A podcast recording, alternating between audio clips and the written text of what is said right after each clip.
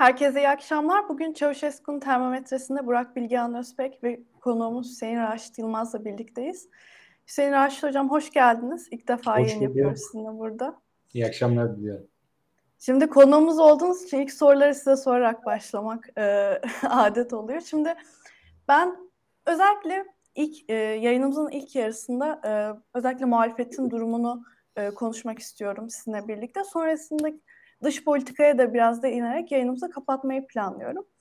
Şimdi Hüseyin Raşit Hocam, şöyle bir tartışma var. Bu muhalefet e, içerisinde mesela e, bu bir e, aslında bir zafer. Biz hiç böyle rakamları görmedik. En e, muhalefetin kapsayıcı olduğu şekilde bir zafer kazandık diye böyle bir seçim sonucunu bir zafere bağlama gibi e, muhalif liderlerden e, böyle açıklamalar duyuyoruz. Ama bir yandan da aslında seçimi kaybettik. Yani bu as biraz kafa karıştırıcı bir durum. Yani sonuçta ortada bir zafer mi var, yenilgi mi var? Siz bu durumu nasıl yorumluyorsunuz? Şimdi can alıcı bir yerden başladınız. Nasıl daha iyi ifade edilebilir üzerinde düşünmek lazım ama e, yani seçimin üzerinden önemli bir süre geçti. Bu kadar süre geçtikten sonra yaşanan şeyin seçim sonucunun muhalefet açısından bir yenilgi mi, mağlubiyet mi olup olmadığını tartışmayı e, çok doğru bulmuyorum açıkçası. Bunu e, muhalefeti cansiperane bir şekilde sandıkta demokratik yollarla destekleyen çok geniş kitlelere karşı da e, çok hoş olmayan bir davranış olarak ben şahsım adına kabul ediyorum. Elbette günlük konjonktürel siyasi sahipler vardır bu sözün edilmesiyle alakalı. E, bir belki yenilgi neticesinde morali bozulan kitleleri tekrar motive etmek amacıyla söyleniyor olabilir. Ama doğrusu bunu realist bulmuyorum ve kitleleri motive etmek açısından da bu üslubun faydalı bir üslup olduğu kanaatinde değilim. Çünkü bu bir nihayetinde demokrasi yarışıydı. Herkes elinden gelen her şeyi yaptı diyelim. Ama neticede skorboardta ne yazıyorsa e, netice odur. Ve 1-0 mı maç rakip tarafından alındı yok da 5-0 mı alındı? 3 puanın kime gideceği ile alakalı bu sonucu değiştirmiyor.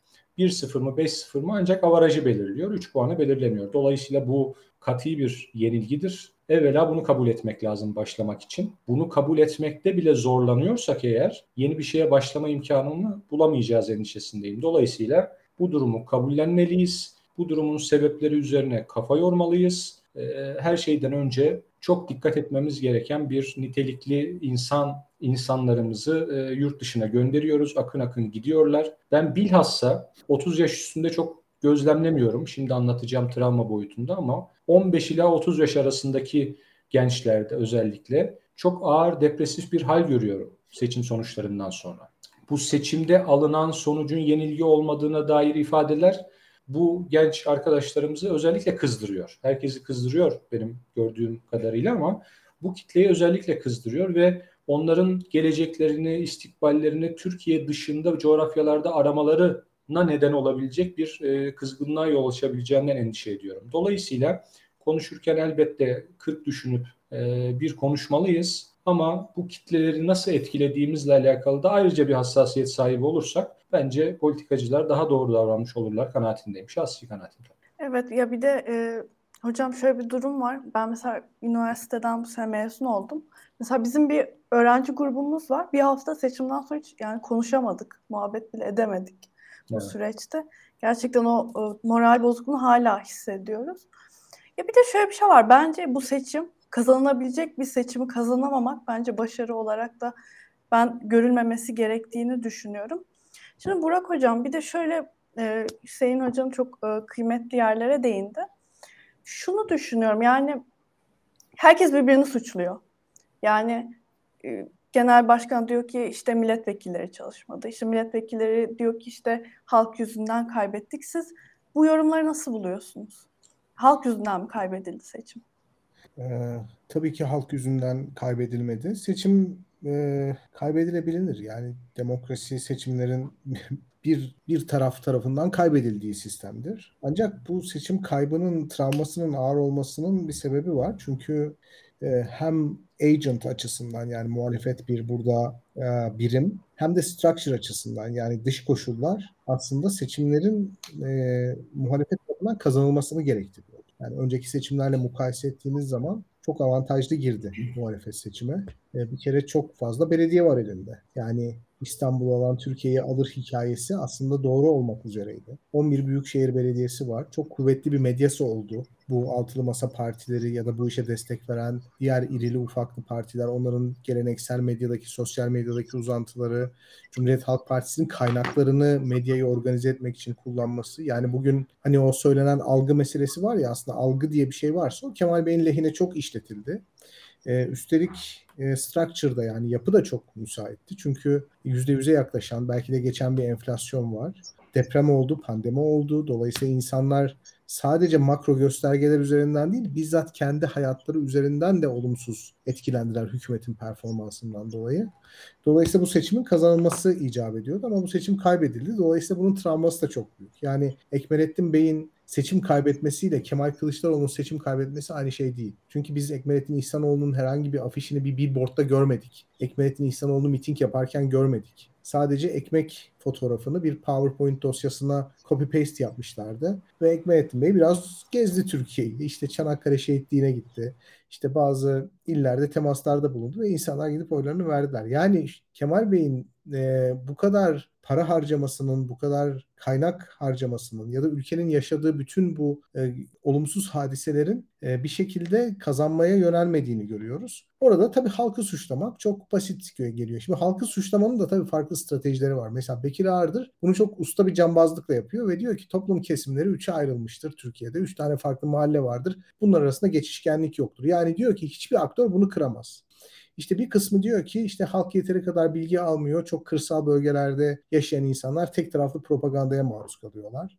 Şimdi bunların hiçbir tanesi doğru değil. İnsanların elinde cep telefonu var. İnsanlar artık köyde de yaşasalar birçok televizyon kanalını izleyebiliyorlar. internete girebiliyorlar. Ve toplum kesimleri evet farklı toplum kesimleri var fakat toplumun bir de kendisini herhangi bir mahalleyle çok özdeşleştirmeyen rasyonel seçmen dediğimiz bir grubu var. Yani muhafazakar olabilir, seküler olabilir, milliyetçi olabilir, Kürt olabilir fakat kendisini bu kimliğin dışında daha başka bir kimlikle tanımlayan, daha başka ihtiyaçlar üzerinden tanımlayan insanlar var. Mesela bir Kürdün, bir milliyetçinin, bir liberalin, bir sosyalistin, bir sekülerin, bir muhafazakarın ortak paydası değil mi? Kamuda doğru düzgün bir eğitim verdirebilmek çocuğuna. Böyle bir böyle bir talep var. Veyahut kanunun herkese eşit uygulanması gibi. Veyahut vergilerin şeffaf harcanması gibi. Yani bunlar herkesi göbekten kesen talepler. Mesela bu insanlar daha rasyonel oy verebilecekken Kemal Bey'e oy vermediler. Dolayısıyla hani çok e, böyle halkı suçlayarak e, Kemal Bey'in failliğini gizleyen, onu perdeleyen açıklamaları ben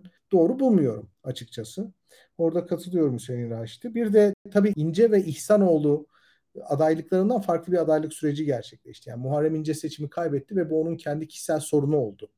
Çünkü Muharrem İnce aslında seçimi kazansaydı kabinesini kendisi kuracaktı. Seçimde aday olabilmek için birçok partiyle, birçok toplumsal grupla kabine üzerinden bir anlaşma, sözleşme yapmadı. Güç dağılımı anlaşması içerisine girmedi. E, Ekmelettin İhsanoğlu da aynı şekilde. O zaten önceki sistemin Cumhurbaşkanı adayıydı. Ama Kemal Bey e, kendi projesine, Altılı Masa projesine çok fazla insanı ortak etti. Yani bir güç bölüşümü anlaşması olduğunu, toplumla paylaştı. Bunu Halil İbrahim sofrası dedi. Dolayısıyla Kemal Bey'in adaylığını onaylamanın karşılığında iktidara gelindiği takdirde güçten bir parça alacak, pay alacağını düşündü insanlar. O yüzden herkes bu projenin ortağı oldu. Bu kabahatin, bu günahın ortağı haline geldi. E, böylece sadece Kemal Kılıçdaroğlu'nun şahsi meselesi olmaktan çıktı seçimleri kaybetmemiz. Bütün muhalefetin aslında bir meselesi haline geldi. E, bunu kabul etmek lazım. Yani burada bir şeyler yanlış yapılmış olmalı ki seçim kaybedildi. Bütün bu şartlar ortadayken ve Kemal Bey'in adaylık inadı, adaylık ısrarı o süreç birçok partiyi de bu işin içerisine çekti. E, dört tane küçük partinin mesela bu işin içerisine girme sebebini aşağı yukarı öğrendik. 39 milletvekili. Yani orada 39 milletvekili karşılığında Kemal Bey'in adaylığının onaylandığını biliyoruz. E, İyi Parti'nin 3-6 Mart tarihleri arasında yaşadıkları ortada. Yani masaya ne şekilde oturtulduğu ve Cumhuriyet Halk Partisi'nin kontrol ettiği medyanın, sosyal medya enstrümanlarının aslında bu işe hazırlanıp İyi Parti'nin üzerine nasıl çullandığını, tehditle, linçle, şantajla nasıl masaya oturttuklarını gördük. E, HDP'nin masaya niçin oturduğu konusu büyük bir muamma. Çünkü Selahattin Demirtaş kendisinin aslında talebinin bu olmadığını söyledi. Yani Cumhuriyet Halk Partisi Partisi'nin kiminle anlaştığı, kimin hangi aktörle e, konuştuğu da şu anda bilinmiyor. E, e, Zafer Partisi ile gizli bir mütabakat yapıldığını geçen hafta öğrendik. Şimdi dolayısıyla sürekli olarak aslında Kemal Kılıçdaroğlu'nun bir e, bir sisteme, bir Ponzi şemasına ortak ettiği insanlar var ve bu Ponzi şemasının e, devam edebilmesi için seçimlerin kazanılması gerekiyordu. Çünkü herkes oraya bir yatırım yaptı. E, seçimler kaybedildikten sonra tabii e, Kemal Bey'in verdiği sözleri tutması bekleniyor o sözlerle tutulamıyor. Çünkü iktidar ya yani o kaynak ana kaynak elde edilemedi. E, o yüzden şu anda muhalefette çok büyük bir e, kriz var. Seçimlerin kazan kaybedilmediğini, çok büyük bir hezimet olmadığını söylemenin sebebi de kısa zamanda yeniden bir seçim ihtimali doğarsa işte Tayyip Bey'in sağlık sebeplerinden veyahut sert ekonomik koşullardan dolayı böyle bir ihtimal doğarsa zannediyorum işte büyük bir moral bozukluğunu önlemek için e, ve meseledeki kabahati gizlemek için ortaya atılan bir argüman. E, ve tabii Cumhuriyet Halk Partisi'nin içerisindeki olayları da biliyoruz. Yani bir değişim sancısı var partide. E, muhtemelen o değişim rüzgarını engellemek için ortaya konmuş bir söylem. Fakat durum budur.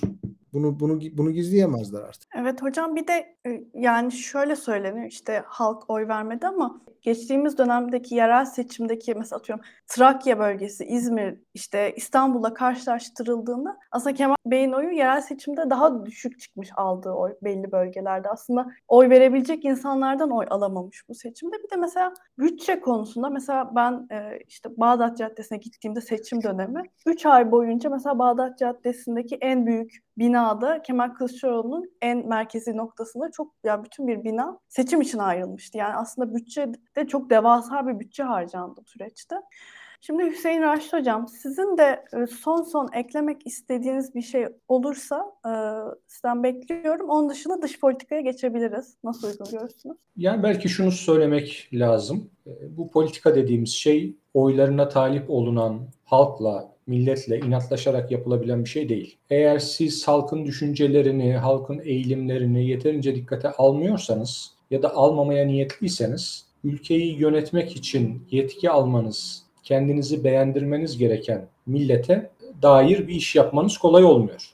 Dolayısıyla zaman zaman bazı yetkililerin dile getirdiği işte kim olsa kazanır, şu olsa kazanır, bu olsa kazanır hatta nesneleştirerek bu meseleyi egzajere edenler olabiliyor. Ben tabii buna saygı duymakla beraber sonuç böyle olsa da olmasa da bunun doğru olmadığı kanaatindeyim. Dolayısıyla eğer milletten vize alınıp yönetilecek bir ülkenin yönetimine talip olunuyorsa milletin hassasiyetleri de dikkate alınacak, milletin eğilimleri de dikkate alınacak. Bunu aslında çok e, isimsiz konuşunca da belki algılanmama endişesi olabilir. İsim vererek de konuşmakta fayda var. Biliyorsunuz Ankara Büyükşehir Belediye Başkanımız e, seçimden önce yapılan anketlerin çoğunda çok ciddi bir e, teveccühe mazhar olmuştu. Çok ciddi bir fark atıyordu Sayın Cumhurbaşkanı'na. Hakeza Ekrem Bey yine Mansur Bey kadar olmasa da ciddi bir miktar önemli farkla Tayyip Bey'in önündeydi.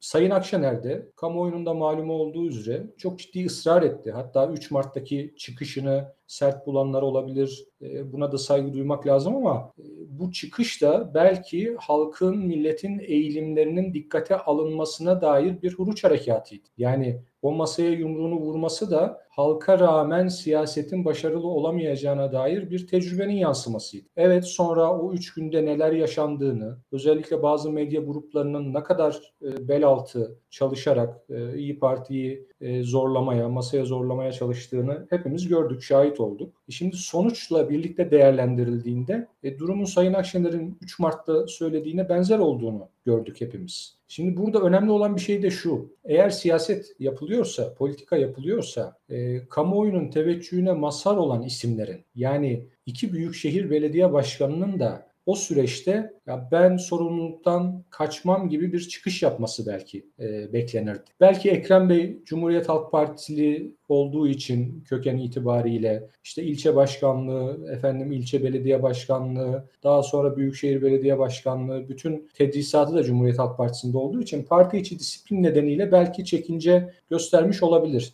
Bu bile belli noktada belki anlaşılabilir bir pay vermek lazım buna. Çünkü kolay işler değil bunlar. Parti içi muhalefete dönüşebilecek şeyler. Mansur Bey'den kamuoyunun çok ciddi bir kısmının beklentisi vardı. E, bu beklentiyi de Mansur Bey'in karşılamayı e, düşünmediğini gördük süreç içerisinde. Elbette onun kararına da saygı duymak lazım. Yani bir insan e, bir numara olmak istemiyorsa, ülkeyi yönetme adına e, bir e, topa girmek niyeti yoksa, yani belki sadece Ankara'ya fokuslanmak istiyor. Ankara'dan ayrılmak istemiyor olabilir yerel hizmetlerden. Ona da saygı duyarım. Ama adı geçen Tayyip Bey'e önemli fark atan iki ismin de biz buradayız ve göreve hazırız mesajını vermemesi karşısında Meral Hanım ya da başka birisi ne kadar ısrar ederse etsin ki o süreci de hep beraber yaşadık. Netice almak mümkün olmaz. Alınamadı zaten. Dolayısıyla bu tablo çok bu noktada göstere göstere gelen bir e, tablo oldu. Tablo elbette çok ağır ama e, benim yine en önem verdiğim şeylerden bir tanesini tekrar vurgulamakta e, fayda görüyorum. E, özellikle gençlerin bu ağır buhran yaşamasını e, hızlıca atlatmamız gereken bir dönem olarak görüyorum. Dolayısıyla hangi partinin içinde hangi dalgalanmalar yaşanırsa yaşansın. Eğer genç arkadaşlarımızı, genç kardeşlerimizin umudunu bu ülkede tutamazsak, gelecek arayışlarını bu ülkede, bu coğrafyada tutamazsak, hiçbirimizin, çocuklarımızın, torunlarımızın burada e, isteyeceğimiz, özleyeceğimiz, sevineceğimiz bir geleceği olmayabilir. Dolayısıyla evet seçimde ağır bir mağlubiyet yaşanmıştır kararı millet vermiştir. Sandıktan çıkan elbette herkesin kabul etmesi gereken sonuçtur. Buna karşı çok fazla şey söylenebilir. Denilebilir ki Suriyeli mülteciler eklendi şu kadar milyon. İşte bütün basın yayın devlet erkini kullandılar. Evet doğru. Yani süreç itibariyle çok demokratik olduğunu kimse iddia edemez. Ama bunu bilerek sandığa giren herkes, seçime giren herkes bunun sonucuna da elbette anlayışla karşılayacak. Türkiye'yi benzerlerinden ayıran şey budur. Türkiye'yi işte Orta Doğu'daki ya da Asya tipi e, yapılardan ayıran şey budur. Sandıktan çıkana süreç ne kadar e, sıkıntılı olursa olsun herkesin rıza göstermesidir. Nasıl ki Tayyip Bey seçilemez olduğu senaryoda bunu paşa paşa kabul edecekse muhalefet de elbette bunu kabullenecek ve yoluna devam edecek. Eğer biz iktidarı değiştirmeyle alakalı bir inisiyatifi artarak sürdürmek istiyorsak bilhassa genç arkadaşlarımızın umutlarını, e, ruhlarını bu coğrafyadan ayırmadan bu coğrafyayla birlikte yoğurmasını sağlamamız lazım. Bunun için imkanlar çok fazla. Şimdi Sayın Akşener seçimden önce önemli bir e, cümle kuruyordu sık sık. Ben onun önemli olduğunu düşünüyorum. Diyordu ki ya bu seçimi kaybedersek Türkiye ölmez bitmez. Ama parlamenter sisteme dönme ihtimalimiz kalmayabilir. Ben o noktadayım. Türkiye ölmez bitmez. Evet sıkıntılı bir zaman yaşıyoruz. Ekonomik olarak, siyasi olarak. Bununla birlikte buradan da doğrulup kalkmamız için çok fazla imkanımız var. Bir kere çok kalabalığız. Derdimizi anlatacak imkanlarımız var. Hem teknolojinin imkanlarıyla hem yeni çağın imkanlarıyla çok fazla insanımıza ulaşabiliriz. Mesele milletle inatlaşarak siyaset yapmama konusunda bir e, bu işten ders çıkarmış olalım. Hep beraber, hepimiz için söylüyorum bunu. Milletin temayülü neyse bu temayülü belirlemelerde de kullanılan genel metotlar vardır. Zaten atmosfer bunu fevkalade göstermektedir. O zaman da gösteriyordu. Şimdi de gösteriyor. Seçimlerde de yine gösterecek. Milletle inatlaşmadan uygun alternatiflerle yol yürünürse elbette mesafe alınabilir, elbette iktidar değişebilir. Yani enseyi karartmaya gerek yok. Bir e, yani bu atalet halinden hızlıca çıkmamız lazım ve bir yol haritasını herkes bütün muhalefet bileşenleri olarak söylüyorum, geniş kitleler olarak söylüyorum. Şu suçluydu, bu suçluydu, şunu şöyle yapmak lazım, bunu böyle yapmak lazımdı. Burada en büyük vebal buna aitti. E bunların tamamını konuşabiliriz ama bence konuşacağımız yeterince zaman geçti. Bundan sonra yarın ne yapacağımızı konuşmamız lazım. Yarına dair konuşmalara odaklanırsak mesafe alabiliriz. Bir günah keçisi aramamıza gerek yok. Bu süreç e, Burak Hocam da Daktilo da çok fazla bunun yayınlarını da yaptı. Çok da önemli bir hizmet yaptınız. Ee, o kadar her şey açık net yaşandı ki, herkesin gözü önünde yaşandı ki, kim hangi konuda ne pahasına ısrarcı oldu, bu bu işleri takip eden asgari takip eden herkesin o kadar vakıf olduğu şeyler ki bunları tekrar tekrar tekrar konuşmanın bir faydası bence yok. Elbette parti içinde mücadeleler olacaktır. Şimdi Cumhuriyet Halk Partisi'nde yaşananlar gibi, o dalgalanmalar gibi. Bunlar da demokrasinin son derece tabii halleridir. Umarım çok saygı duyduğumuz e, Cumhuriyet Halk Partisi seçmenlerinin, üyelerinin gönlüne göre bir gelişim olur memleket için en faydalısı olur. Ama bundan sonra yarın ne yapılacağına odaklanılmasında fayda mülaza ediyorum. Evet, Hüseyin Raşit çok kıymetli yerlere değindiniz. Burak Hocam sizin de son olarak e, eklemelerinizi alalım. Bir de şöyle bir siyaset yapmaz problemi var Türkiye'de. Yani vatandaşları sanki belirli partilere oy vermekle mükellefmiş, sanki vatandaşlara senet imzalatılmış. Dolayısıyla partiler hangi şımarıklığı yaparsa yapsın vatandaş mecburen gidip oy verecekmiş gibi bir düşünce var.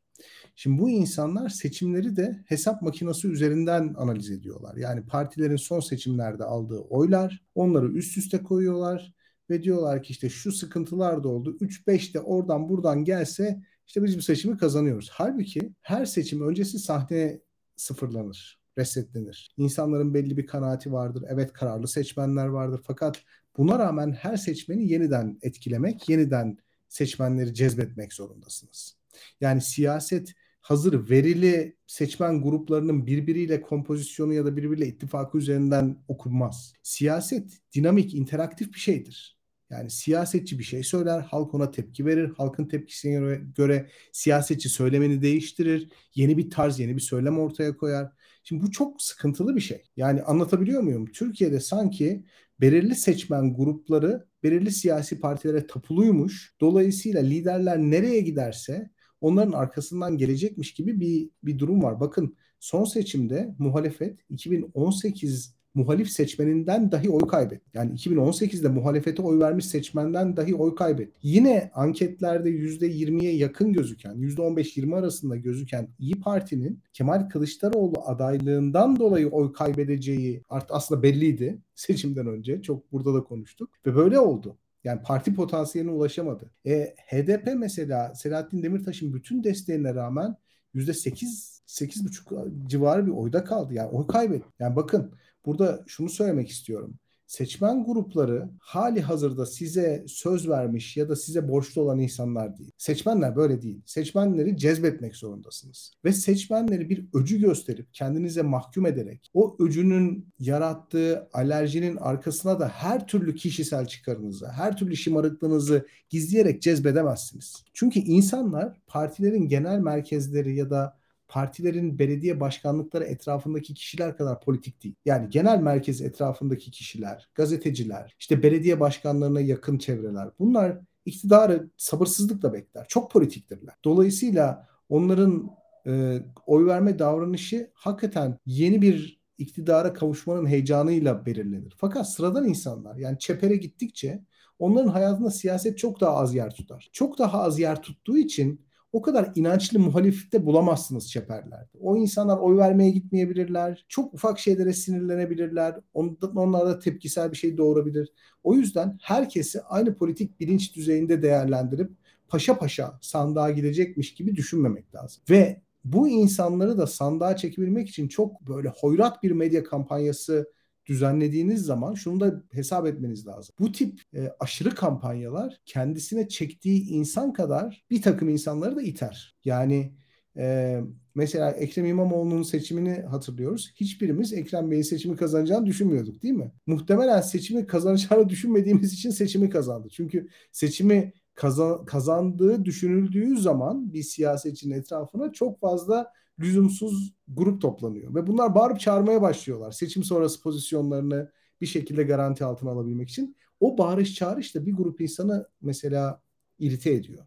Özellikle kararsız seçmenleri, daha apolitik seçmenleri, daha volatil seçmen dediğimiz seçmen grupları. Yani ben mesela son seçim sürecinde 3-6 Mart arası muhalefet medyasının iyi partililere ve sağcılara genel olarak hitap ediş tarzını hiç beğenmediği için normalde muhalefetin adayına oy vermeyi düşünen ama seçimde muhalefetin adayına oy vermeyen birçok insan tanıdı. Şimdi sağcılara küfrettiğiniz zaman e, siz bu meseleyi muhalefet, iktidar, otoriterlik, demokrasi ayrımından çıkartıp sağ sol ayrımına hapsediyorsunuz. E bu insanlar da e, yani dediğim gibi size borçlu değiller. Senet imzalatmadınız bunlara. Herkes perdeyi çekiyor, vicdanıyla bir oy veriyor. E, oy kaybediyorsun. E yine Muharrem İnce'nin adaylığı mesela o kadar hoyrat, o kadar can sıkıcı şekilde ele alındı ki bu mesele. Yani sabah uyanan 19 yaşındaki çocuk Muharrem İnce'ye küfrederek güne baş. Çok ayıp bir şey bu. Çok ayıp bir şey. İnsanlara siyaset yapma hakkı var. Ve biz şunu gördük. Hani başka adaylar çıktığı için seçim ikinci tura kaldı. Yoksa ilk turda bitiyormuş. Yani ilk turda Tayyip Erdoğan seçim alıyormuş. Kılıçdaroğlu'ndan başka bir aday çıktığı için ikinci tura kalabildi. Belki Muharrem İnce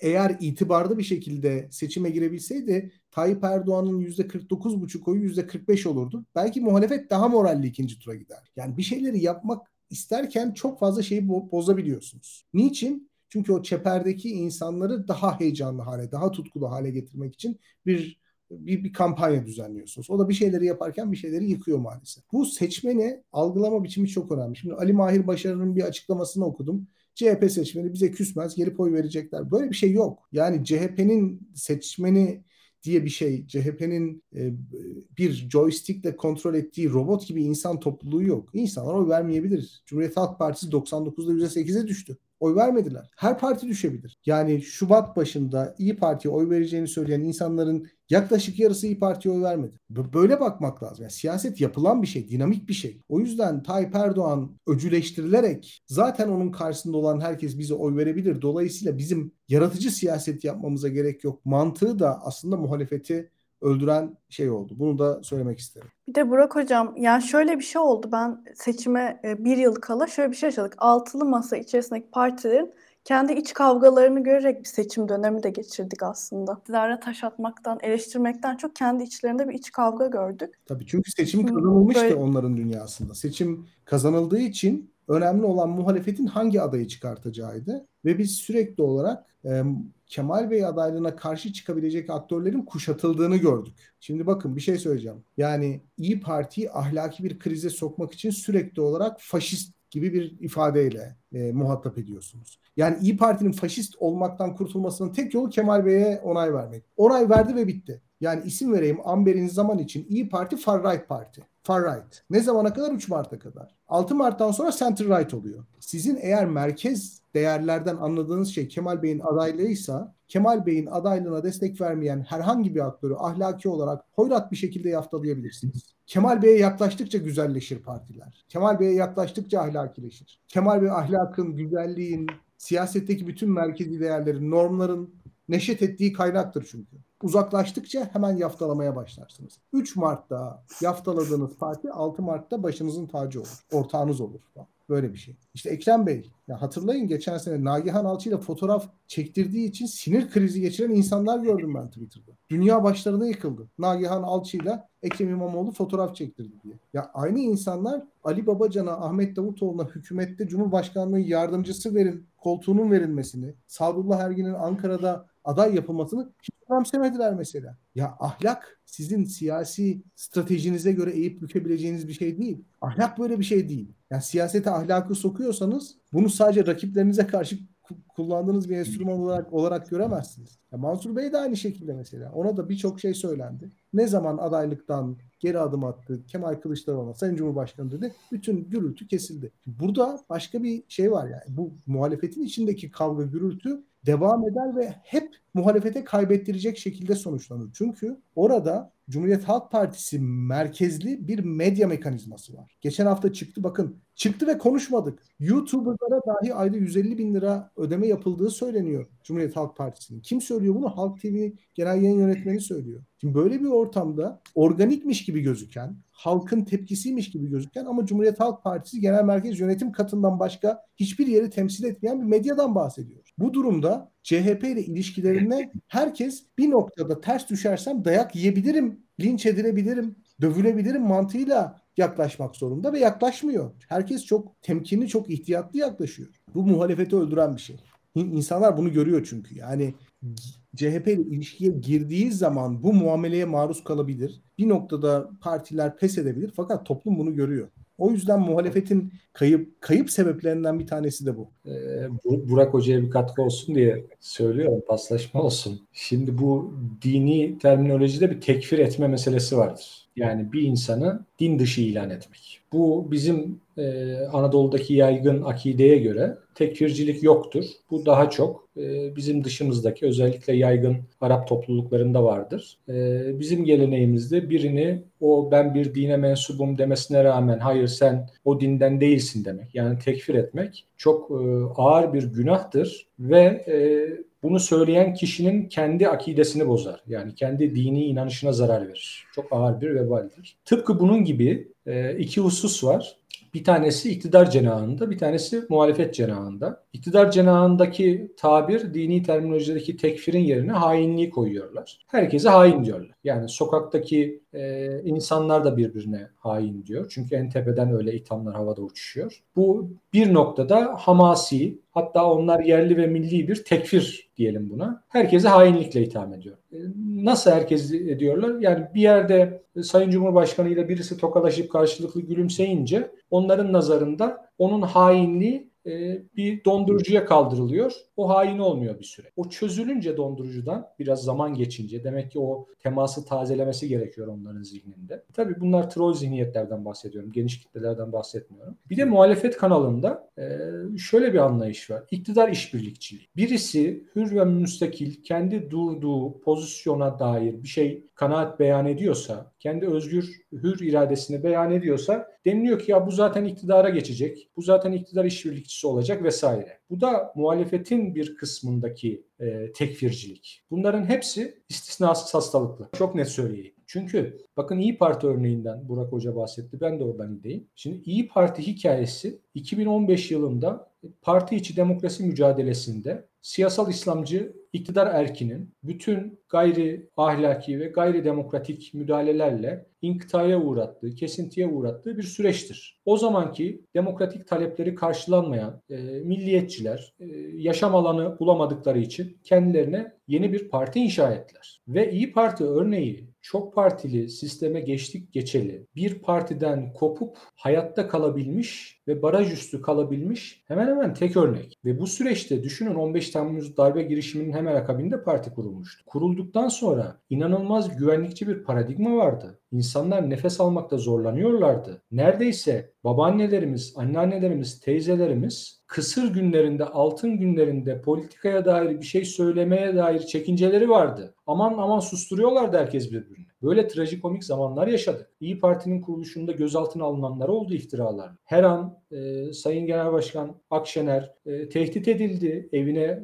baskına kitleler gönderildi. Sürekli malum medyada şu gün gözaltına alınacak, bugün şununla bağlantısı var gibi yayınlar yapıldı. Ve ne bu baskılar sonuç verdi bu tehditler ne de sonra gelin beraber olalım imasıyla yapılan tekliflerle sonuç alabildik. Neredeyse akıntıya karşı kürek çekerek bir demokrasi mücadelesi sonucunda kurulan İyi Parti'ye iktidar işbirlikçisi imasında bulunma hadsizliği gözümüzün önünde cereyan Şimdi bunu kabul etmek mümkün değil. Şimdi bunu yapan isimler çoğunlukla geniş halk kitlelerini hafızasızlıkla suçlayan isimler. Ya millet unutur, millet her şeyi unutuyor diyenler. Ya birkaç senelik bir serencamı var bu işin onu anlatıyorsunuz. Yani İyi Parti buna rağmen kuruldu. Hatırlamıyor musunuz? Unuttunuz mu? Art niyetli misiniz? Ama buna karşın çok net ithamlar var, iftiralar var. E günün sonunda geldiğimiz noktada tablo ortada. Müsebbipleri son derece net bir şekilde ortada. E bu iş için cansiperhane çalışanlar ortada. Yani bu emekler, bu alın terleri, bu akıntıya karşı zaman zaman kürek çekmeler, kasırgada yürümeler, yani millet ülke menfaati için kelle koltukta siyaset yapmaya çalışan, demokrasi mücadelesi vermeye çalışan insanların uğradığı ağır itibar suikastlerinin sanki olmadığı güllük gülistanlık bir ortamda son birkaç senedir yaşıyormuşuz gibi. Ya siz iktidar işbirlikçisi olabilirsiniz. Aman oldunuz mu olmadınız mı? Biraz önce Burak Hoca'nın da son derece belli bir şekilde ifade ettiği gibi yani o dönemki konjonktürde anlık değişebilen e, şeyler yaşadık ve bunlar demokrasi tarihimiz bakımından çok övünülecek şeyler olmayacak ve tarihte de e, aktarmaya çalıştığım şekliyle yer alacak kuvvetle muhtemel. Hocam çok teşekkür ederim. Burak Hocam ekleyeceğiniz e, bir kısım olursa. Yok artık yok. Tamam. Dış politikaya tamam. geçebiliriz. Şimdi Hüseyin Raşit Hocam, şöyle seçim sonrası yani çok e, söylenen bir şey bu. Erdoğan e, politikalarında batıya yaklaşıyor mu? Rusya ile ilişkiler artık gerilemeye mi başladı diye ilk soruyla başlayayım. Özellikle İsveç'in NATO'ya e, onayı ve sonraki süreçler? Ya tabii biz e, Türkiye'nin gündemi sadece iç politikada değil, dış politikada da o kadar hızlı manevralar oluyor ki zaman zaman bu iktidar yandaşı gazeteciler, işte e, yazarlar falan takip etmekte, pozisyon almakta zorlanıyorlar. Yani birkaç saat gündemi takip etmeseler boşa düşebilirler. O kadar hızlı cereyan ediyor manevralar. Şimdi birkaç adım geriye gidip bu meseleyi aslında değerlendirmek daha faydalı olabilir. Belki izleyenler, takip edenler bakımından. Şimdi dış politika özellikle 15 Temmuz'dan sonraki süreçte her şey millilik adı altında bir otoriter rejime doğru evrildiği için e, sanki dış politikadaki herhangi bir meselede iktidarla aynı safta sık ve düzgün durulmadığında bu kişinin vatanseverliğini, bu kişinin milliliğini, yerliliğini halel getiren bir durummuş gibi algılanmaya başladı. Buna doğrusu çok iyi direnilemedi. Bu kabul edildi. Buna dair örnekler mevcut. Mesela 1970'li yıllarda o zaman Sovyetler daha ayaktaydı. Kırım Türklerinin efsanevi lideri Mustafa Abdülcemil Kırımoğlu'nun Sovyet hapishanelerinde öldürüldüğüne dair Türkiye'ye bazı haberler ulaşmıştı. Yaşı yetenler bilir, bilmeyenler de belki okumuştur. Türkiye'de yüz binlerce insan sokaklara dökülmüştü. Protesto gösterileri yapmıştı. 80'lerde Bulgaristan'daki Jirkov zulmünden kaçan e, Bulgar Türkleri, Bulgaristan Türklerinin meselesi Türkiye gündemine bomba gibi düşmüştü ve yine yüz binlerce insan Anadolu'nun her yerinde gösteriler düzenlemişlerdi. 90'lı yıllarda birbirine çok yakın, uzak olmayan tarihlerde hem Çeçenya meselesi cereyan etti, Rus işgali ve oradaki e, Rus zulmü, hem de Bosna'daki sıkıntı baş gösterdi. Bakın bir tanesi Rus dünyasına karşı, bir tanesi de Bosna meselesi Avrupa'nın göbeğinde yaşandığı için Batı blokuna karşı Türkiye'deki kamuoyu, sosyal mobilizasyon o kadar harekete geçmişti ki yer yerinden oynamıştı. İki mesele içinde. Bakın bir millilik arıyorsak bunu Rusya'ya bakarak ya da Batı blokuna bakarak tanımlayamayız. Bakın 90'lı yıllarındaki 90'lı yıllardaki Türkiye'de sıradan insanlar, entelijansiya tamamı bir bütün halinde iki insanlık dramına karşı da sosyal hareketlere kalkışmıştı. Son derece demokratik haklarını kullanmışlardı ve tıpkı 70'lerde, 80'lerde ve 90'lardaki örnekler bakımından 4 örnek verdim. 4 örnekte de iktidar o zaman Türkiye'yi kim yönetiyorsa onlar bazılarında birkaç iktidar da değişti aynı kriz esnasında millete göre kendini düzeltmek zorunda kalmıştı. Milletin hassasiyetlerine göre. Ama şimdi bakıyoruz bakın bütün acıyı nicelik bakımından yarıştırmayı etik bulmuyorum, ahlaki bulmuyorum. Ama bakın Mısır'da seçilmiş bir iktidar antidemokratik bir müdahaleyle devrildi. Ve şimdi Mısır'ı yöneten insanın olduğu klik ülke yönetimini ele aldı askeri darbeyle. Türkiye ilişkisini kesti. Şimdi zaman zaman e, iktidar yanlısı bazı akademisyenlerle, isimlerle karşılaştığımızda değişik mecralarda söylüyorlar ya Türkiye arkasını mı dönseydi, ne yapsaydı Türkiye vesaire. Ya da Gazze'de olanlar karşısında. Bakın nicelik bakımından acıyı yarıştırmayı ahlaki bulmuyorum. Asla bulmuyorum. Ama sormak isterim. Mısır'daki elim hadiselerde, antidemokratik el koyma hadisesi sonucundaki protestolarda kaç masum insan öldü? Yahut Gazze'de kaç kişi yaşıyor? İkisi de benim için değerli. Bundan bağımsız olarak söylüyorum. Peki Doğu Türkistan olarak yaygın olarak adlandırdığımız Çin'deki Uygur özel bölgesinde kaç Müslüman Türk insanı yaşıyor? Onların başına 2015-16'dan sonra neler geldi? Milyonlarca insan toplama kampına koyuldu. Orada hem kültürel soykırım hem fiziki soykırım ikisi bir arada. Yüz binlerce 2 aylıktan 13-14 yaşına kadar Uygur Türk'ü çocuk ebeveynlerinden sökülüp alındı. Toplama kamplarında kendilerine özel eğitime alındılar. Adları değiştirildi. Dilleri asimilasyona uğrayıp Çince konuşmaya zorlandılar. Ve inanılmaz belki 1940'ların Nazi Almanya'sında Holocaust'ta yaşananların bir benzeri Çin'de yaşanıyor 7-8 senedir. Şimdi sormak lazım. Türklük üzerinden bir hassasiyet sergilenecekse bu insanlar Türk. İslam üzerinden bir hassasiyet sergilenecekse bu insanlar Müslüman. Bunların ikisini de bir tarafa bırakıp aslında odaklanmamız gereken yeri söylüyorum. İnsanlık üzerinden bir pozisyon alınacaksa ahlaki pozisyon bu insanlar insan adı üzerinde.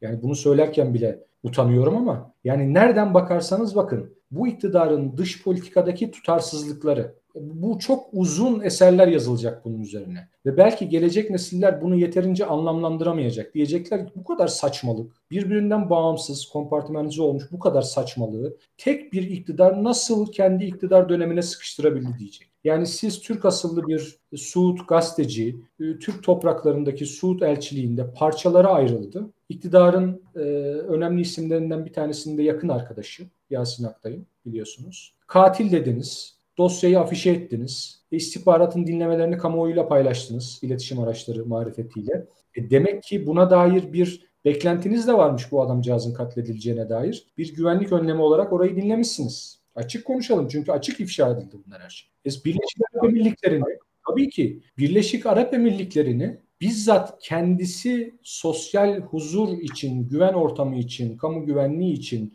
retoriğiyle, üslubuyla tehdit arz eden eski bakanlardan bir tanesi meydanlarda böğürürcesine aykırdı. Birleşik Arap Emirlikleri darbenin finansörü diyordu. Finansörü diyordu. E şimdi borç istemeye gittiniz. Sarmaş dolaşsınız. Yani kimlere neler demediniz? Yani bu olabilir. Bunda bir problem yok. Ama hiç olmazsa biraz da belki mizahi kapanış yapayım bu bahiste. Yani kendi kitlenizi, kendi okur yazarlarınıza bir nefeslenecek zaman verseydiniz ya. Böyle bir nefeslenseler de ondan sonra sizin dönüşlerinize katkı sağlarlardı belki. O kadar hızlı hareket ediyorlar ki bu noktada. Türkiye'nin uluslararası itibarını bu kadar örseleyen bir iktidar Cumhuriyet tarihi boyunca gelmemiştir. Bilinen Türk tarihinde de gelmemiştir. Bakın çok net söylüyorum. Çünkü siz meydanlarda kendi insanlarınıza diyorsunuz ki açık açık bu katil, bu bizim darbeyi yaptıran, ya Amerika şunu yaptı, işte NATO bunu yaptı. Ya sizin NATO diye hedef gösterdiğiniz yapı bizim Sovyet işgali endişesiyle bedeller ödeyerek katıldığımız ve katılmamızla belki Sovyet işgalinden kurtulduğumuz bizim doğrudan en güçlü ordularından biri olarak ana unsurlarından olduğumuz bir yapı. Sizin iç güvenlikten sorumlu eski İçişleri Bakanınız NATO'yu bir terör örgütü gibi insanlara anlattı. Yani böyle bir şey olabilir mi? Yani biz topraklarımızda herhangi bir problem, risk oluştuğunda NATO unsurlarından, müttefiklerimizden yardım istiyoruz. Bize füze bataryaları falan gönderiyorlar. Bir taraftan İçişleri Bakanı böyle söylüyor. Eş zamanlı Milli Savunma Bakanı da NATO konseptine uygun açıklamalar yapıyor. Yani bu ne periz, bu ne lahana turşusu. Yani bunu da bu atmosferde konuşmak gerçekten zor olmaya başladı. Ama dediğim gibi bunu bu çemberi kırmamız lazım. Çok şükür ki günümüzün imkanları Türkiye gibi geniş bir ülkede, nüfusu çok bir ülkede bir istibdat rejimini tam ve kamil olarak kurmak için uygun değil. Yani siz eğer ben Kuzey Kore oldum demezseniz böyle bir şey kuramazsınız. Kuzey Kore olduk lafını da edemezsiniz. Dolayısıyla sandıktan çıkmak için mücadele edecek iktidar yine. Bakın Tayyip Bey pek çok şeyle suçlanabilir ama sandığı önemsememekle suçlanamaz. Geçen e, Burak Hocam siz de belki izlemişsinizdir. Görüntü çok eski değil zannediyorum. Bir programda e, Bitlis AK Parti İl Teşkilatı'ndan birileriyle karşılaştı Sayın Cumhurbaşkanı. Ah Bitlis dedi nasıl kaybettik dedi. Orada o meselenin sorumlusu olarak gördüğü isme de ya Vedat diye atıfta bulundu oranın milletvekiline. Nasıl kaybettik diye. Yani Tayyip Bey halk tarafından onaylanmayı bu kadar merkeze alan bir siyasetçi. Tıpkı olması gerektiği gibi. Şimdi pek çok şeyi Tayyip Bey yapabilir ama kendisini onaylayacak esas patron olan milletle son kertede zıtlaşmaması gerektiğini bilir. Şimdi denilebilir ki ya bu ekonomik kriz vesaire bunların tamamı ideolojik bir efendim bagajın neticesinde oldu vesaire doğru ama bugün gelinen noktada işte Mehmet Şimşek'in yaptıklarını Cumhurbaşkanı'nın kendi ifadesiyle kabulleniyoruz diyecek noktaya gelmesi de yine sandığı önemsemesinden kaynaklanıyor. Zaten Türkiye gibi bir ülkenin, Türkiye'nin müktesebatına, birikimine sahip bir ülkenin Asyatik bir otoriter diktatörlüğe dönüşmesini kimsenin beklememesi lazım. Böyle bir ihtimal yok. Yani Türkiye'deki herkesin bunu bilmesini ister. Türkiye'nin ne Asya tipi ne Orta Doğu tipi bir diktatörlüğe evrilme ihtimali yok. Neden? E çünkü bakın bizler hala nefes alıp veriyoruz, konuşuyoruz pek çok mecrada. E insanlar oylarını kullanıyorlar, seslerini yükseltebiliyorlar. Evet seslerini yükseltenin başına her zaman iyi şeyler gelmiyor, kötü şeyler de gelebiliyor. Ama Türkiye'nin demokrasisinden geri adım atacak, adını koyarak geri adım atacak bir lüksü yok. Bu lükse sahip olmadığını da herkesten daha çok Türkiye'yi idare edenler biliyordur diye düşünüyorum. Dış politika meselesinde muhtemelen yerel seçimlere kadar e, popüler tabirle aman tadımız kaçmasın Ali Rıza Bey formatında bir dış politika gidecektir. Çok da e, yatırıma ihtiyacı olunan bir dönemde olduğu için. Ama e, şöyle bir endişeyi de taşıyorum. Yerel seçimlerden sonra e, Tayyip Bey'in sinir sisteminin doğrusu yani yaşananları kabullenme sisteminin sonuçlardan bağımsız olarak rasyonel politikaları sürdürebilecek düzeyde olduğu kanaatinde değilim. Dolayısıyla içeride hem dışarıda yine bu 2018'den sonra özellikle ayyuka çıkan irrasyonel politikalara bir dönüş endişesi de taşıyorum doğrusu. Evet Burak Hocam, Hüseyin Raşitoğlu çok kıymetli yerlere değindi. Ee, bir de size şunu sormak istiyorum. acaba hani e, Rusya bu Türkiye'nin son hamlelerinden dolayı Türkiye'ye karşı bir mesela çeşitli fırsatlar sunmuştu. Tam karşısında mı pozisyon alır yoksa Türkiye hep denge politikası uyguluyordu diyerekten e, sert bir tutum içerisine girer mi? Siz nasıl görüyorsunuz? Şimdi Rusya Tayyip Erdoğan hükümetiyle iş yapmanın maliyetini ödeyecek. Bu böyle. Hani e, 1990'lı yılları 2002 senesine kadar olan dönemi hatırlayanlar bilirler. Türkiye'de milli güvenlik ve dış politika aslında sivil siyasetçilerden ziyade daha kendisini siyaset üstü konumlandıran bir milli güvenlik kurulu tarafından tayin edilirdi ve hükümetler gelip geçse de bu politika kendini muhafaza ederdi. Bu demokratik miydi? Çok demokratik değildi. Bunu söylemek lazım. Ama Milli Güvenlik Kurulu kendisini oylatan, iç politikadaki gelişmelerden dolayı bir siyasi ikbal stresi yaşayan bir yapı değildi. Dolayısıyla ortaya konan politika kendisini muhafaza ediyordu. Dolayısıyla Türkiye'de iş yapan herhangi bir başka ülke devlet başkanı siyasi çalkantılardan etkilenmeyeceğini çok iyi biliyordu. Şimdi Milli Güvenlik Kurulu'nun ortadan kalkmasıyla beraber biz daha demokratik kurumları işleyen ve e, bir şekilde denge denetleme mekanizmalarının var olacağı bir Türkiye görmek istedik. İşte parlamentosu denetim görevini yapabilecek, siyasi partiler kanunu değişmiş, medyası özgür, sivil toplumu güçlü, e, piyasa aktörleri devlete karşı daha güçlü ve korunaklı bir Türkiye, daha demokratik bir Türkiye olabilirdi. Sivil hükümetlerin de radikal dönüşler yapmasını bunlar engelleyebilirdi. Fakat biz hem MGK'dan feragat ettik hem de sivil hükümeti denetleyen mekanizmalar kurmadık. Yani sivil toplum güçsüzleşti, piyasa aktörleri devlete bağımlı hale geldi, parlamenter sistemi terk ettik, medya çok çok daha bağımlı hale geldi. Yani hükümet medyası dediğimiz medya tamamen hükümet kaynaklarına bağımlı. Muhalefet medyasının da Faruk Bildirici'nin son raporunda, son yazısında söylediği gibi dış politika ilgi alanına girmiyor. Dolayısıyla hükümet dış politika alanında çok hızlı savrulmalar, çok hızlı U dönüşler, çok hızlı hareketler yapma konusunda çok serbest hissediyor kendisini. Bu Putnam'ın two level game teorisi vardır. Yani dışarıda attığınız adımın içeride bir maliyeti var. İçeride de birçok aktörü ikna etmek zorundasınız. Otoriter sistemlerde içeride ikna etmek zorunda kaldığınız aktör sayısı azdır. Dolayısıyla dış politikada çok yaratıcı, çok savrulmaya müsait bir tavır sergileyebilirsiniz. Demokratik ülkelerde ise iç politikada çok fazla insanı e, ikna etmek zorunda kalırsınız. Mesela 1 Mart 2003 tezkeresi bunun örneğidir. Yani o dönem Türkiye e, demek ki şimdiden daha demokratik ki Tayyip Erdoğan aldığı kararı yani Amerika Birleşik Devletleri ile varılan anlaşmayı mecliste kendi partisinden bile tam bir uyum içerisinde destekletemedi. Bunu bu, bunu başaramadı. Şimdi demokrasi gerçekten budur. İçeride çok fazla aktörü ikna etmeniz lazım. Şimdi Tayyip Bey'in içeride çok fazla aktörü ikna etme gibi bir stresi yok. Dolayısıyla bu dönüşleri çok rahat yapıyor. Ve Tayyip Erdoğan'la iş yapan her devlette bunu öğrenecek. Yani burada uzun vadeli istikrarlı bir politika uygulamak çok zor.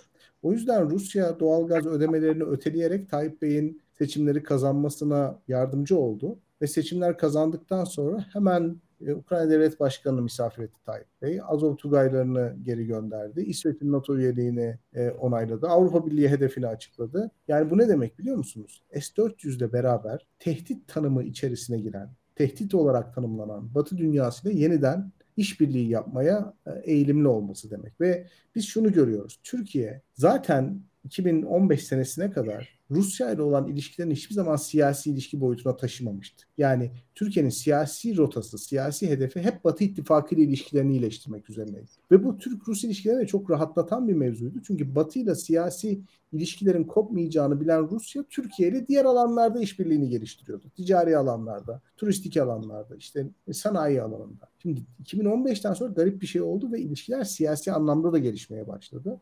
Bu siyasi anlamda gelişmeyi Rusya asimetrik bir düzeyde ele aldı. Çünkü AK Parti dış politikasının bir diğer alameti farikası da dış politikayı iç politika ilişkileri için kullanmaktır. İşte Avrupa Birliği'ni orduya karşı kullanır. Rusya'yı kendi muhaliflerine karşı kullanır. Rusya'nın Suriye politikasını destekler ve orada başlatacağı operasyonları milliyetçiliği bir şekilde teşvik etmek için kullanır. Dolayısıyla Rusya Türk iç politikasına müdahil olabileceğini gördü ve bu asimetrik bir bağımlılık yarattı. Ne zamana kadar? Ukrayna Savaşı'na kadar. Şimdi Ukrayna Savaşı'nda Tayyip Erdoğan bir şey gördü. Bu çok boyutlu dış politikayla bir yandan Ukrayna'ya drone satabiliyor. Bir yandan Rusya'nın Ukrayna işgaline çok net bir tavır koyamıyor. Yani yaptırımlara katılmıyor. Bu her iki tarafın da işine geldi ve Türkiye tabiri caizse Rusya'nın bir nefes borusu oldu. Batı da buna itiraz etmedi. İşte tahıl koridoru anlaşmasında Türkiye Rusya ile konuşabiliyor. Dolayısıyla krizleri çözen bir ülke olarak e, ortaya çıktı. Rusya da tabii itiraz etmiyor. Dediğim gibi nefes borusu. Ve bütün bu süreci seçimleri kazanmak için Tayyip Erdoğan ustaca kullandı. Bunu kabul etmemiz lazım. Ve seçimleri kazandıktan hemen sonra da maalesef Putin Tayyip Erdoğan'la iş yapmanın ne demek olduğunu gördü. Yani o çok ünlü bir Rus atasözü vardır ya ayıyla dans etmeye kalktığınız zaman siz yorulunca değil ayı yorulunca oturursunuz. Valla maalesef e, Tayyip Erdoğan yorulunca oturdu. Ayı ne derse desin. Bunu kabul etmemiz lazım. Ve şu anda çok daha başka bir e, ilişki modeline doğru ilerliyor. E, bu ilkesel bir tavır mı? Hayır değil. İlkesel bir tavır değil. Çünkü Türkiye'nin ekonomik olarak hakikaten Avrasya ülkelerinden, Avrasya bloğundan ya da Avrasyacılığı murad ettiği eksen ülkelerden kendisine alabileceği bir şey yok. Akademik olarak yok, teknolojik olarak yok.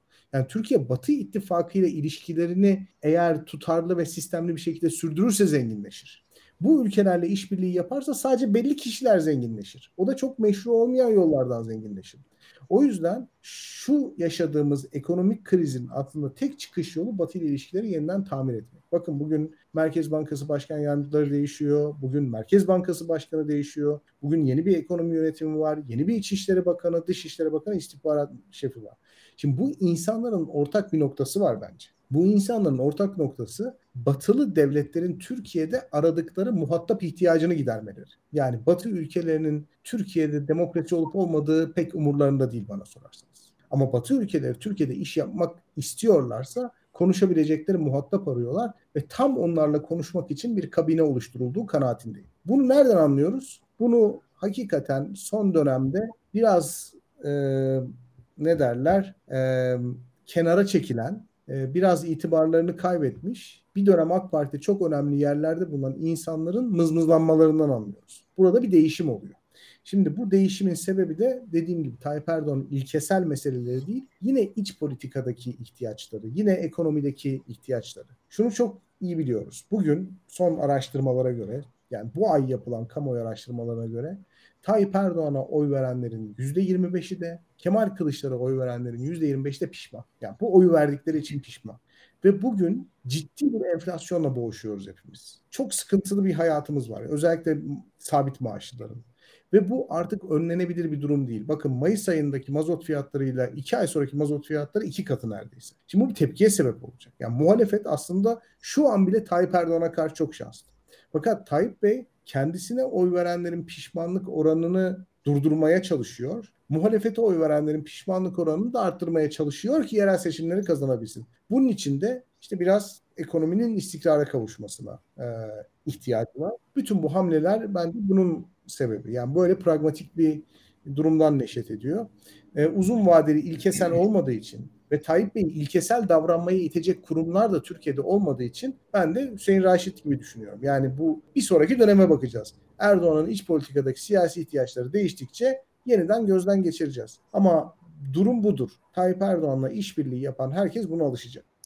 Çok sağ olun Burak Hocam. Şimdi yayınımız bir saate yaklaşırken Hüseyin Raşit Hocam size de son olarak eklemek istediklerinizi sor- soracağım. Sonra yavaştan kapatırız yayını. Şimdi benim sıklıkla kullandığım ve kullanırken hem üzüldüğüm hem de sözün isabeti karşısında memnun olduğum merhum Tanpınar'ın bir sözü var.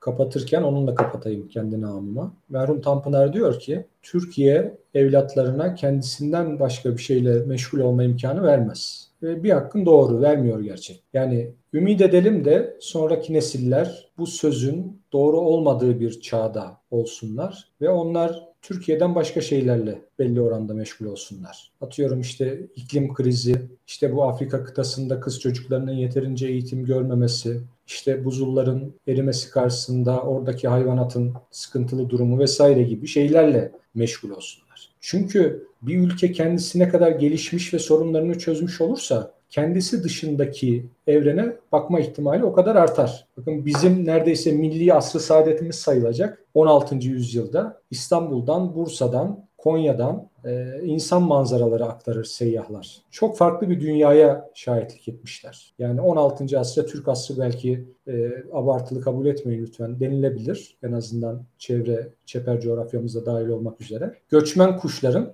göç mevsiminde yaralanıp e, göçe ara verip sakatlanıp kaldıklarında onların tedavisi ve bir sonraki göç mevsimine yetişmesiyle alakalı bu coğrafyada kurulan vakıflar var. 16. yüzyılda bunu yapmış topraklarda yaşıyoruz. Şimdi 2023 yılındayız ve biz hala çok çok önceden e, halletmemiz gereken meselelerle konuşmak, meseleleri konuşuyoruz. Buna dair kafa yoruyoruz, buna dair üzülüyoruz ya da çok küçük şeylere sevinmek zorunda kalıyoruz. Halbuki bize Türk toplumuna yakışan çok büyük, çok kallavi şeylere sevinmektir. Ufak şeylerde mutluluk arıyoruz. Hakiki bir beka meselesiyle karşı karşıyayız ama iktidarın söylediği gibi bir beka değil. Türk çocukları, bu topraklardaki çocuklar yeterince beslenemiyorlar, yeterince protein alamıyorlar ve yeterince gelişemiyorlar. Hem zihni olarak hem bedensel olarak. Bir beka meselesi varsa beka meselesi budur.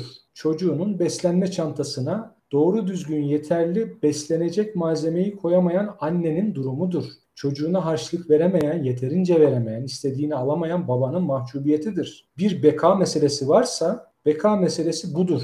Bunu anladığımız, idrak ettiğimiz ölçüde bu meselelere karşı pozisyon alabiliriz ve aldığımız pozisyonda milletimiz de bizimle birlikte saf olur, saf tutar. Bu meseleleri böyle anlatmak lazım. Muhalefet bakımından da millete bu tonda, bu kanalda, bu frekansta gitmek lazım. Böyle gidildiği takdirde bütün meselelerin tahmin edilenin daha kısasında, kısa zaman zarfında çözüleceği kanaatindeyim. Buna biraz e, belki çok olumlu e, bir veçesiyle bakıyor gibi görünebilirim.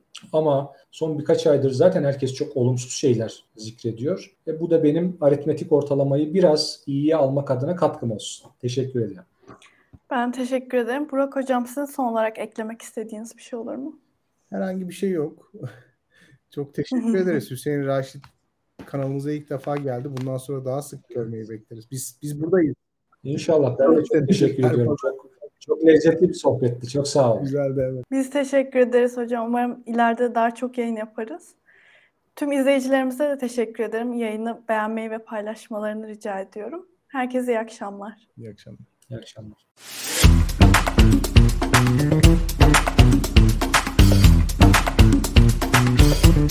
Thank you.